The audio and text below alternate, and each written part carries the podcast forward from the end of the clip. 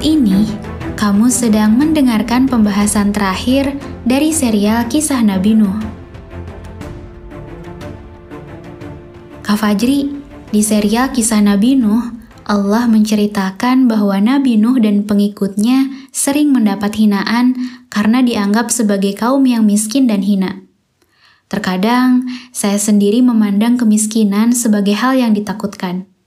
Padahal harta dunia sejatinya bukan parameter kesuksesan sebagai seorang muslim kan ya? Sebenarnya, bagaimana sih pandangan tentang kemiskinan yang seharusnya? Ya jadi betul sekali bahwa memang pandangan dan sikap muslim terhadap kemiskinan ini harus kita sering refresh ya. Apalagi di zaman sekarang yang uh, penuh dengan pandangan-pandangan yang materialism, kapitalisme, maka yang seperti ini harus kita pertegas. Dan di antara ayat yang kunci tentang hal ini adalah surat Az-Zukhruf, surat ke-43 ayat 32 dan seterusnya. Di mana Allah Subhanahu wa taala berfirman, "Ahum yaqasimuna rahmata rabbik?" Apakah mereka yang punya kuasa membagi-bagi rezeki rahmat Tuhanmu? Ini seolah-olah ini ayat respon kepada orang Quraisy yang mempertanyakan kok bukan dia yang jadi nabi kok dia kaya padahal dia nggak beriman, dia miskin padahal dia beriman dan seterusnya. Maka kata Allah, emang yang bagi-bagi rahmat Tuhanmu itu mereka. Ya terserah Allah. Kata Allah, nahnu qasamna bainahum ma'isyatahum fil hayati dunya. Kamilah yang punya hak untuk membagi-bagi penghidupan mereka di kehidupan dunia ini. Wa rafa'na ba'dhum fawqa ba'dhin darajatin dan kami jadikan yang satu kaya, satu di bawahnya, satu lebih kaya, satu jauh lebih miskin. Memang demikian. Ba'dhum wa rafa'na ba'dhum fawqa ba'dhin darajat. Tujuannya apa kata Allah? Liyattakhidha ba'dhum ba'dhan sukhriya. Agar sebagian mereka dapat memanfaatkan sebagian yang lain.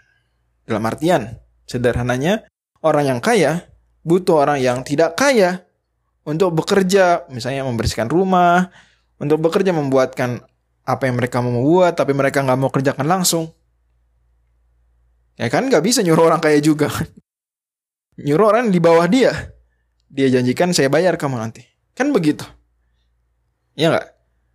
Sebaliknya, orang yang tidak kaya, sebutlah miskin, dia butuh dia akan mem dalam tertib memanfaatkan orang kaya. Yaitu apa? Dengan dia menawarkan jasanya pada orang kaya.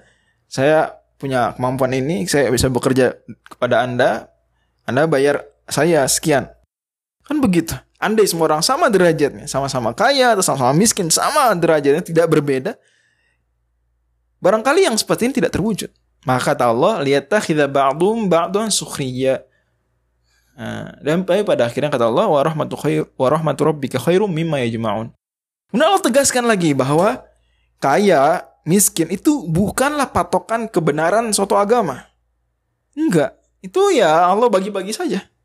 Allah kan Ar-Rahman. Memberikan rahmat di dunia ini. Yaitu rahmannya mencakup ya muslim ya nggak muslim. Semua diberikan. Maka kita tidak akan heran yang muslim, sangat soleh mungkin, ternyata sangat miskin atau sakit-sakitan, yang sebaliknya justru sehat walafiat, kuat, kaya raya dan seterusnya. Itu tidak mengherankan. Karena memang patokan benar tidaknya agama ya ajaran agama itu sendiri, bukan status ekonomi pemeluk-pemeluknya. Jelas ya? Nah, ayat selanjutnya menjelaskan kata Allah, "Walaula ayyakunan nasu ummatan wahidatan laja'alna liman yakfuru birrahmani libuyutihim suqufan min fiddatin wa ma'arij 'alayha yadhharun." Kalau seandainya bukan karena Allah mengkhawatirkan manusia kelak akan semuanya ingkar Allah, semuanya akan jadi non muslim ya jadi umatan wahidatan di sini artinya satu umat yang satu sama-sama tidak muslim. Gitu. Demikian kita bisa lihat dalam tafsir-tafsir. La ja'alna saya kami akan jadikan orang yang kafir kepada Ar-Rahman itu rumahnya justru apa? Justru lotengnya terbuat dari perak. Justru rumahnya penuh dengan tangga-tangga dari perak yang mereka tuh bisa naik rumahnya tinggi. Jadi Allah tuh sebenarnya ya tidak memandang dunia itu sesuatu yang istimewa memiliki kedudukan yang bahkan dalam hadis riwayat Bukhari ditegaskan Lau kanat dunia tazinu inda Allah janaha ba'udah ma saqa minha kafiran syarbata. Andai dunia bernilai di sisi Allah senilai sebelah sayap nyamuk, niscaya Allah tidak akan berikan orang yang ingkar kepada dia barang seteguk air pun gak akan dikasih. Andai dunia ini begitu bernilai di sisi Allah, bahkan nilainya nggak usah tinggi-tinggi, cukup senilai uh, sayap nyamuk, maka kalau ada orang ingkar kepada Allah, ya nggak Allah akan kasih rezeki. Jangan ke rezeki, seteguk air minum pun nggak akan. Tapi karena dunia tidak senilai apa-apa di sisi Allah, maka ya orang yang ingkar jahat sama Allah juga, orang yang menghina Allah, menghina nabinya, bilang Al-Quran firman itu bohong, bilang nabi yang dia utus kan tuh penghinaan terhadap Allah kan pada akhirnya ya orang seperti itu sama Allah masih dikasih dunia yang banyak bikin kaya karena ya hina dunia nggak istimewa ya Allah kasih aja pada yang memusuhinya. Gitu ya. Nah di ayat ini Allah bilang tadinya Allah juga mau kan mau jadikan orang liman yang bir rahman orang yang kafir kepada Allah itu rumahnya terbuat dari perak. Bikin Allah Allah bikin kaya dia. Rumahnya ada tangga wa ma'arja alaiha lanjut lagi wali buyutim abwaban wa sururan alaiha yattaqiun rumahnya penuh dengan uh, pintu-pintu penuh dengan dipan-dipan yang dia duduk santai di situ bertelekan. Wa zukhrufa penuh dengan perhiasan. Tapi kata Allah wa in kullu dzalika lamma mata'ul hayatid dunya. Pada akhirnya itu semua cuma kehidupan dunia. Ya Allah berikan pada mereka mereka ini ya berikan aja. Walaupun mereka nggak percaya sama Allah ingkar sama Allah. Memusuhi Nabi Allah. Uh, mengingkari kitab suci yang Allah turunkan. Nah, Allah bilang tadi walau an yakuna nasu ummatan wahida. Andai nggak khawatir manusia semua jadi kafir karena begitu ada orang kafir Allah bikin kaya. Ada orang kafir Allah bikin kaya. Kan nanti khawatirnya semua manusia jadi apa? Wah, oh nah kalau gitu nggak usah muslim lah, biar kaya. Nah, kalau bikin nggak semua orang kafir kaya. Tadinya mau Allah bikin semua orang ingkar tuh kaya. Biarin dunia buat mereka. Nanti akhirat kan bukan buat mereka. Akhirat buat orang beriman aja. Jadi dunia buat orang tidak beriman semuanya. Akhirat buat orang beriman aja. Kalau akhirat buat orang beriman aja jelas fix. Tapi di dunia ini, kalau lo bikin dunia untuk orang yang tidak beriman saja, kata Allah tadi, walau an yakun nasu umatan wahidah. Nanti jangan-jangan semua orang jadi nggak beriman. Makanya Allah buat di dunia itu orang beriman pun ada yang kaya.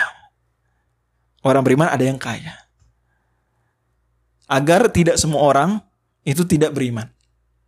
Jelas ya. Jadi ada oh negara-negara Arab Saudi misalnya, Qatar, Uni Emirat Arab, oh kaya kaya, oh, oh luar biasa kayaknya. Bahkan negara-negara dengan uh, pendapatan per kapita tertinggi di dunia ya negara-negara Timur Tengah, sebagian negara Timur Tengah, gitu ya. Penting. Ya, kita jangan lupa ya, mata uang mata uang yang tinggi tinggi tuh kuat kuat kuat mata uang mereka. Ya, masya Allah. Begitu. Tapi yang orang kafir yang tidak yang tidak kaya banyak juga. Kita tahu ya bahkan di negara-negara yang konon negara-negara besar itu banyak orang-orang miskin, homeless, banyak sekali. Ya. Saya sudah bilang tadi saya udah ke sana. Jadi saya tahu sudah melihat dengan mata kepala tidak hanya baca dari buku atau dari berita. Memang demikian keadaan. Banyak hutan, seterusnya stres bunuh diri. Ya itulah surat Az-Zukhruf. Jadi kita memandang kemiskinan itu bukan sebagai ya tanda Allah benci kita enggak. Bisa jadi itu tanda cinta kita. Al-Imam Ibnu Athaillah sekendarikan dalam Al-Hikam beliau bilang salah satu ungkapan terkenalnya adalah al-man'u ainul ata. Allah ketika tidak memberi itu tanda Allah memberi. Justru itu Allah memberi. Jadi Allah ketika tidak memberikan kekayaan itu tanda Allah sebenarnya sedang menganugerahkan rezeki pada kita. Karena artinya Allah tahu, Allah sayang betul sama kita. Karena kalau kita diberi kaya mungkin kita akan menggunakan kaya tadi untuk dosa atau sejenisnya. Begitu.